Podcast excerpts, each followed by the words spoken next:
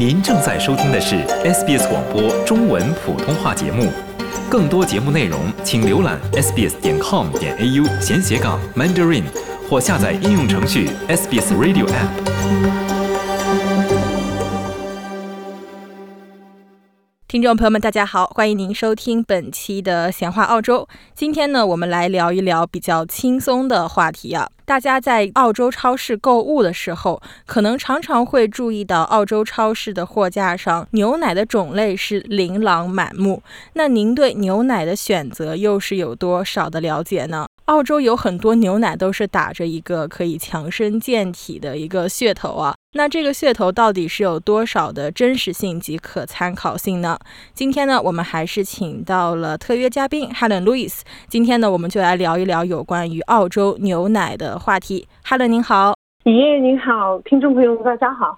嗯，Helen 啊，我知道您也是在澳洲生活了非常长的时间。那澳洲呢，作为一个骑在羊背上的国家啊，虽然说澳洲人喝羊奶比较少啊，但是对这个牛奶的饮用量还是非常非常的大的。那现在澳洲很多超市里呢，也是有非常多的牛奶种类可来供大家选择。那就这个牛奶的种类来说，澳洲现在一般是有哪几种种类的牛奶呢？啊，我觉得怎么说呢？要看从哪一个角度去把它分类吧。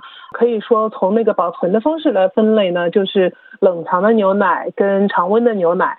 常温的牛奶呢，澳洲人通常把它叫 UHT，就是 Ultra High Temperature。我想就是超高的高温杀菌的那种牛奶。呃，那个是常温保存的，就是我们经常看到那种利乐专包装，那是可以保存很久很久。但是很多人就是以为啊，保存了很久，那就开启之后也是可以喝一段时间。其实不然，就是很多人不知道，其实开启之后呢，必须在七天内，一般是在七天内必须要把它喝完的，而且开启之后必须马上放冰箱。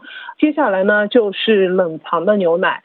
现在澳洲的冷藏牛奶品种太丰富了，最主要的有全脂。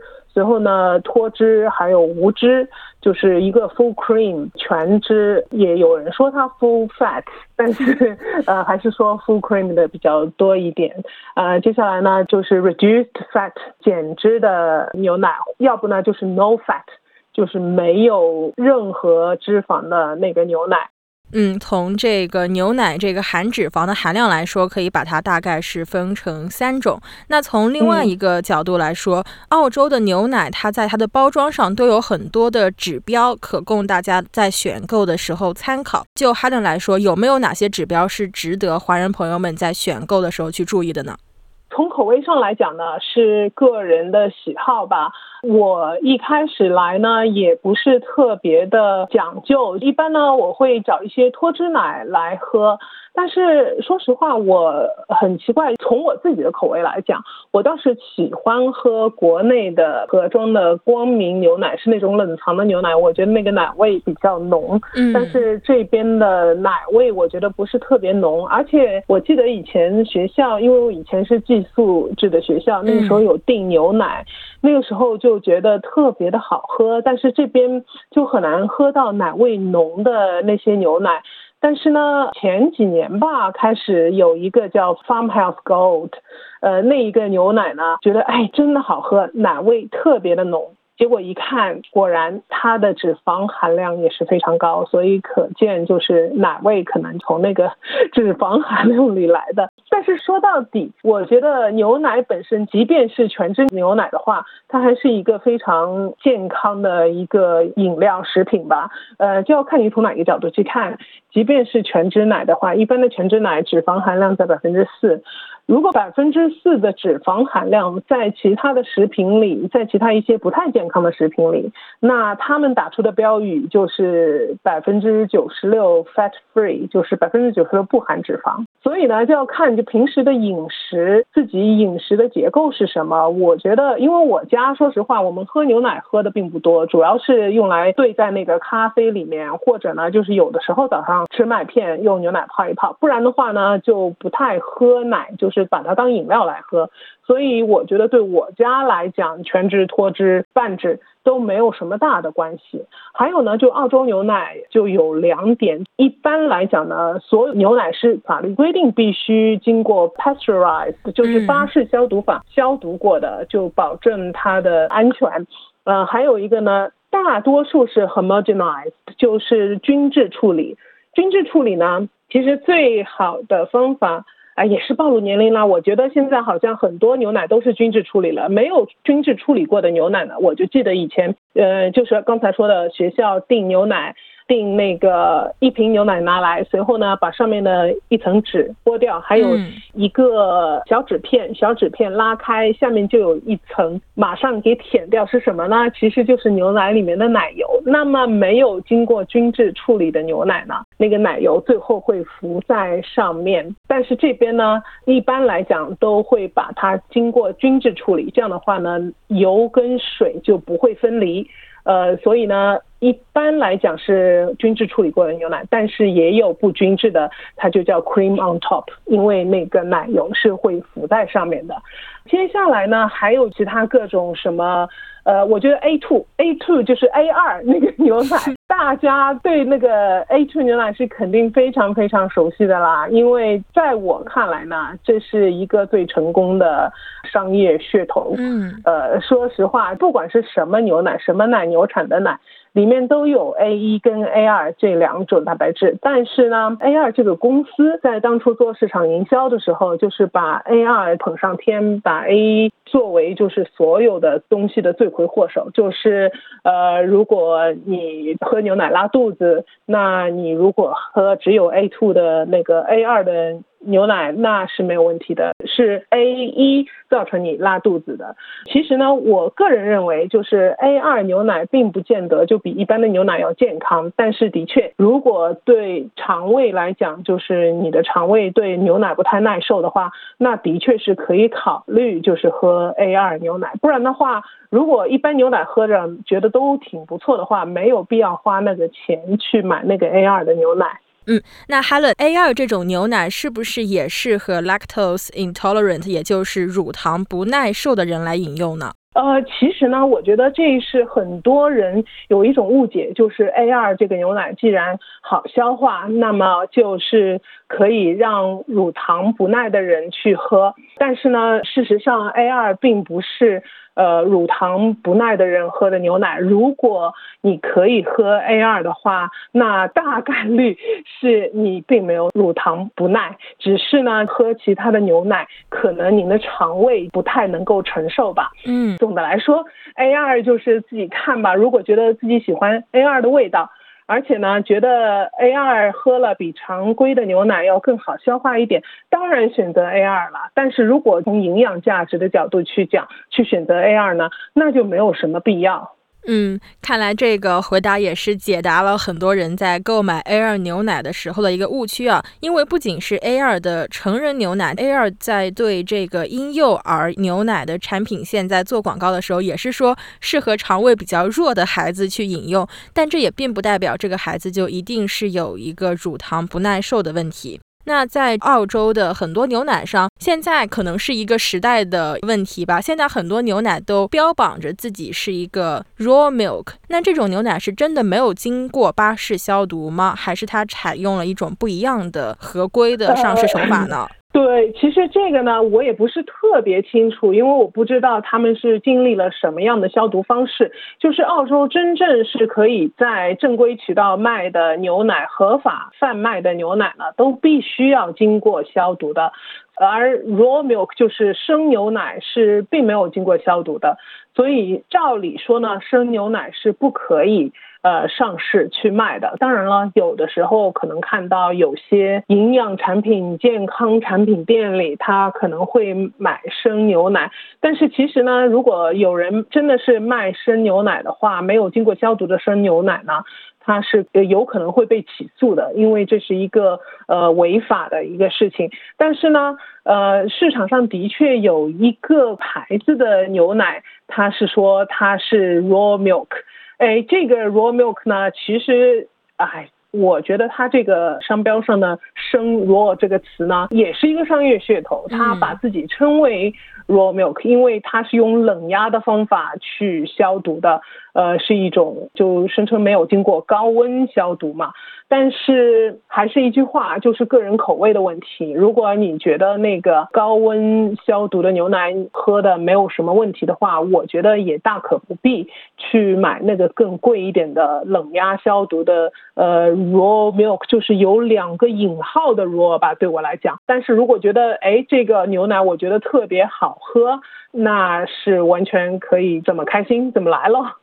嗯，看来还是一个个人选择的原因啊啊！因为我之前看过一个纪录片，它就是集中在这个 raw milk 上面的，可能是现在成为了一种新的潮流吧。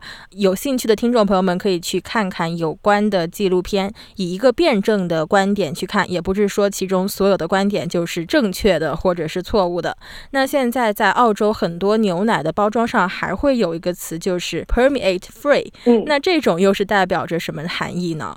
这个呢，其实我去嗯查了很多词典，我查不到就是呃有真正的一个中文对应的一个词嘛。但是呢，它是一一种牛奶生产过程中牛奶过滤之后留下的一个渗透物，它叫 permeate。它呢本身呢富含乳糖啊，以及牛奶本身的维生素和矿物质。其实牛奶就是澳洲的牛奶，它有规定里面的营养成分的比例应该是多少。所以呢，从季节的变化上来讲呢，奶牛产出的奶其实它的营养成分会变化的。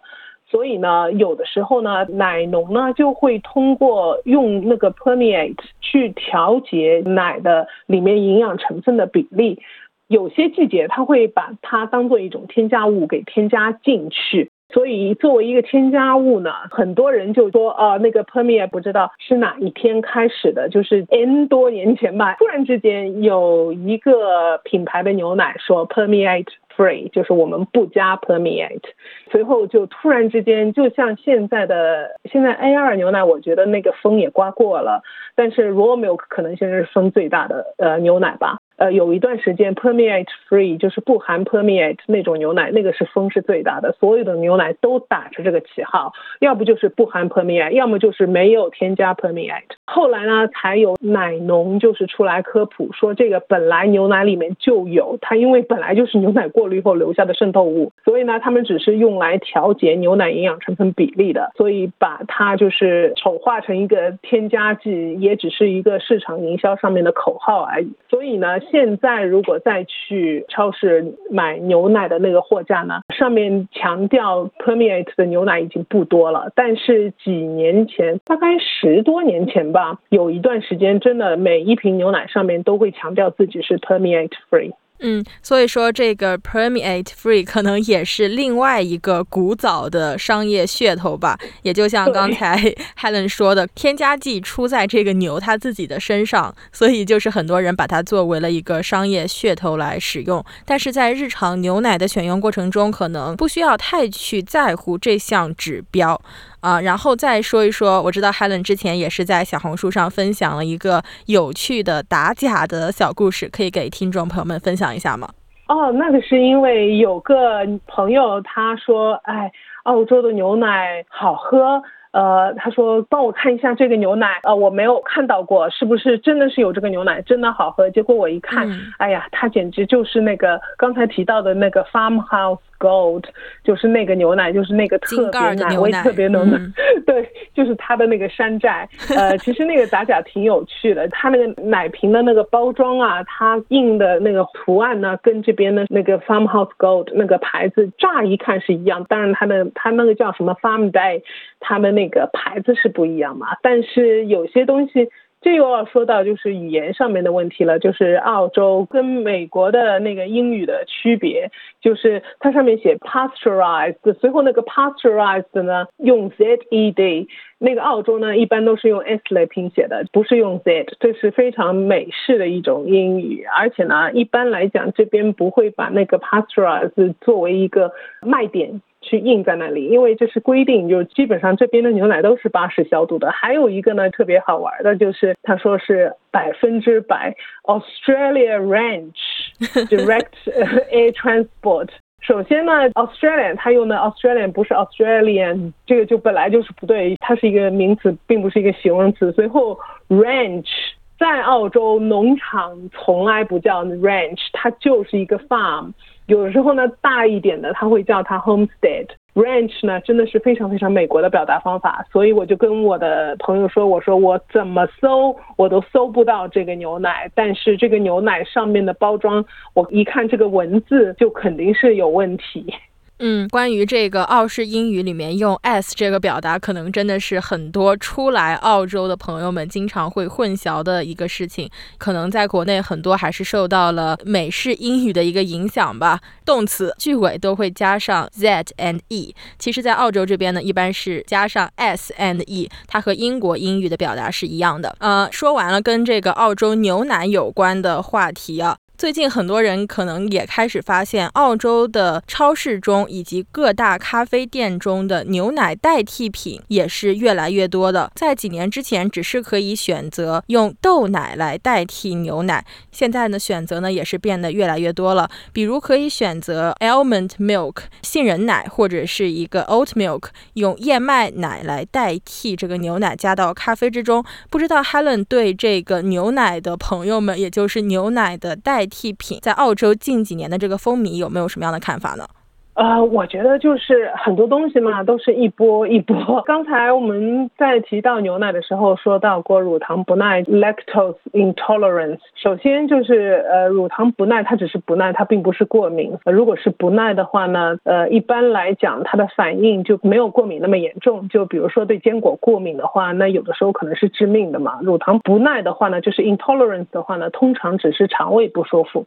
所以呢，澳洲人很多发现他喝了牛奶。我的确有一个同事也是这个情况，他一喝牛奶，随后马上就去上厕所。所以呢，现在呢，就是澳洲牛奶有那个 lactose free，就是不含乳糖的。但是呢，它只是把里面的乳糖转换了，所以呢，喝上去呢，有的人就不喜欢那个味道，因为它乳糖转换之后呢，就变得更甜。但是在那个不含乳糖的牛奶出现之前呢，其实很多人是用那个豆奶来代替，就是呃牛奶。如果他们对乳糖不耐的话呢，就用豆奶来代替牛奶，放在他的咖啡里啊，放在其他不同的饮料里。如果他们需要放牛奶的话，随后慢慢的、慢慢的呢，就开始呃有杏仁奶啦、燕麦奶啊，还有米浆啊，都可以。他们呢美其名曰 plant milk，就是植物奶。但是其实还是那句话，如果大家觉得这个好喝，那当然了，那其他就不用喝了。但是如果觉得那个不好喝，那我觉得怎么说呢？无非真的是没有办法喝牛奶，不然的话呢，也没有必要。说实话，澳洲的 soy milk 就是豆奶嘛，跟我们的豆浆差别太大。因为澳洲的豆奶很多都是加了食用油的，豆浆比较纯，基本上就是黄豆和水。嗯，既然刚才说到了这个澳洲牛奶代替品，其中的一些成分跟国内的不太一样。刚才汉伦也是说到，现在这些产品主打的都是一个植物奶的噱头。那如果是一个素食主义者来说的话，就是是不是会偏向于选择这些植物奶，而不是选择牛奶呢？对，如果是素食主义者呢，要看你是哪一种素食主义者了。有很多 vegetarian 是可以喝牛奶的，但是呢，vegan 当然就不行了。其实素食主义下面有很多不同的分支，就是如果是 vegan 的话，它纯素嘛，纯素其实不是一个呃饮食习惯，它其实是一个哲学。对他们来讲是一个哲学，就是他们也不穿皮鞋、不穿皮夹克之类的，就是所有就是利用动物的东西，他们都不用。他们如果必须要喝一杯 latte 的话，那当然就要去选择植物奶，这个我觉得是理所当然的。但我觉得就是澳洲很多人选择植物奶呢，还是跟风的比较多一点。嗯，可能这个也是澳洲越来越多的咖啡店现在是选择给予人们越来越多的选择嘛。毕竟还是要跟着这个大众的一个潮流来走吧。啊，那再说到这些植物奶的营养。呃，我们知道牛奶的营养可能相对来说它的含钙量是比较高的。那如果就这些植物奶来说，比如说豆奶呀、杏仁奶呀、燕麦奶呀，还有米浆来说，它们的营养成分跟牛奶相比是高还是低呢？因为毕竟不同的东西，一个是动物基础，一个是植物基础的，所以呢，相比之下呢，一般来讲，它的钙的含量。跟蛋白质含量呢都会比牛奶偏低一点，所以呢，就是如果是冲着它里面的营养成分去喝的话呢，那可能就是必须要仔细看一下它的营养成分。在澳洲来讲，就是澳洲提倡宝宝喝牛奶、吃奶酪、吃酸奶，它主要是希望他们能够补钙。所以呢，从补钙的角度来讲呢，牛奶里面的钙是最易于人体吸收的。其他的呢，可能就没有牛奶里面的钙那么容易让人体吸收吧。所以呢，其实长久以来，也就是为什么就是其他的植物奶都是属于后起之秀了，但是豆奶一直是作为牛奶的一个非常合法合理的一个替代品，因为豆奶里的钙的吸收能力呢是仅次于牛奶的。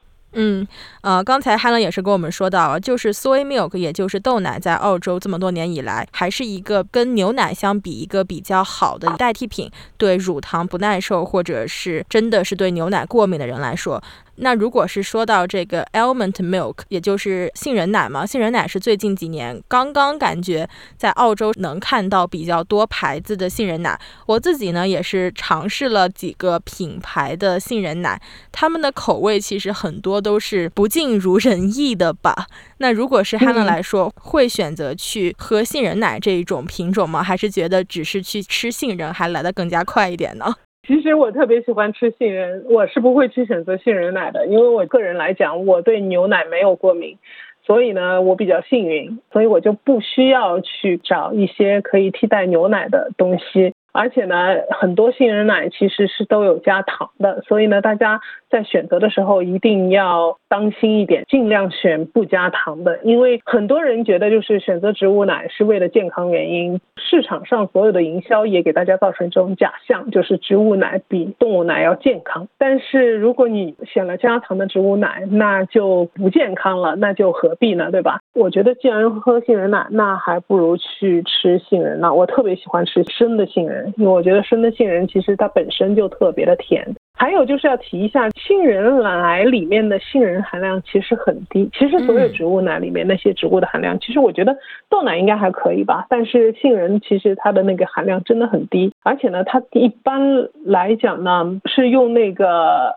水浸泡过的杏仁，以前也曾经有过一个笑话，我不知道大家知不知道那个 Peter 啊，一个名厨，就 Celebrity Chef，那个时候他就说啊，他特别喜欢吃 Activated Almonds，随后大家都嘲笑他。Activated Almonds 是什么呢？就活性杏仁，就是用水泡过的杏仁。他说那个就是激活了杏仁里面的所有的营养成分。嗯。那这个是有科学依据的吗？我觉得泡没泡过水杏仁，它能把这个水给吸收吗？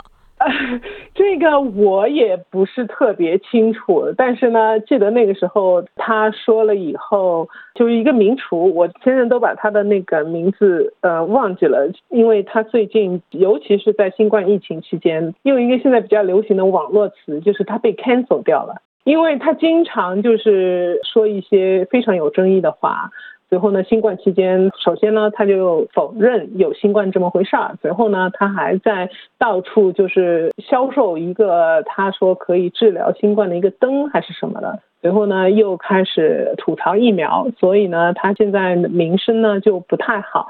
但是那个时候还是比较呃红的时候呢，因为他以前在澳洲有一档节目叫 My Kitchen Rules。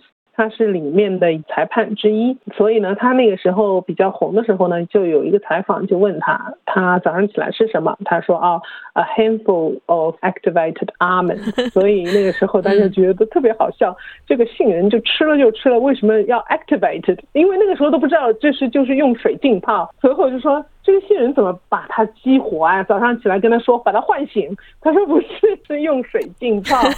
随后大家觉得，哎，这个就非常奇怪。当然了，他信的话就让他去相信，反正我是不信的。嗯，可能还是见仁见智吧。总体来说，跟植物奶相比，牛奶的营养成分就钙质来说还是更胜一筹的。那在今天节目的最后，如果是想让 Helen 从个人的角度来为听众朋友们推荐一款牛奶的话，Helen 会选择哪一款牛奶来推荐呢？其实说实话，我喝到现在，从口味来讲，我最喜欢的就是 Paul 那个牌子下面的 Farmhouse Gold，就是我之前提到过的那一款，就是怎么说呢，牛奶味道特别浓的。当然了，大家也要当心一点，它的脂肪含量比一般的牛奶要高。自从我发现这个情况之后呢，由于喝咖啡喝的比较多，而且我基本上喝的是拿铁。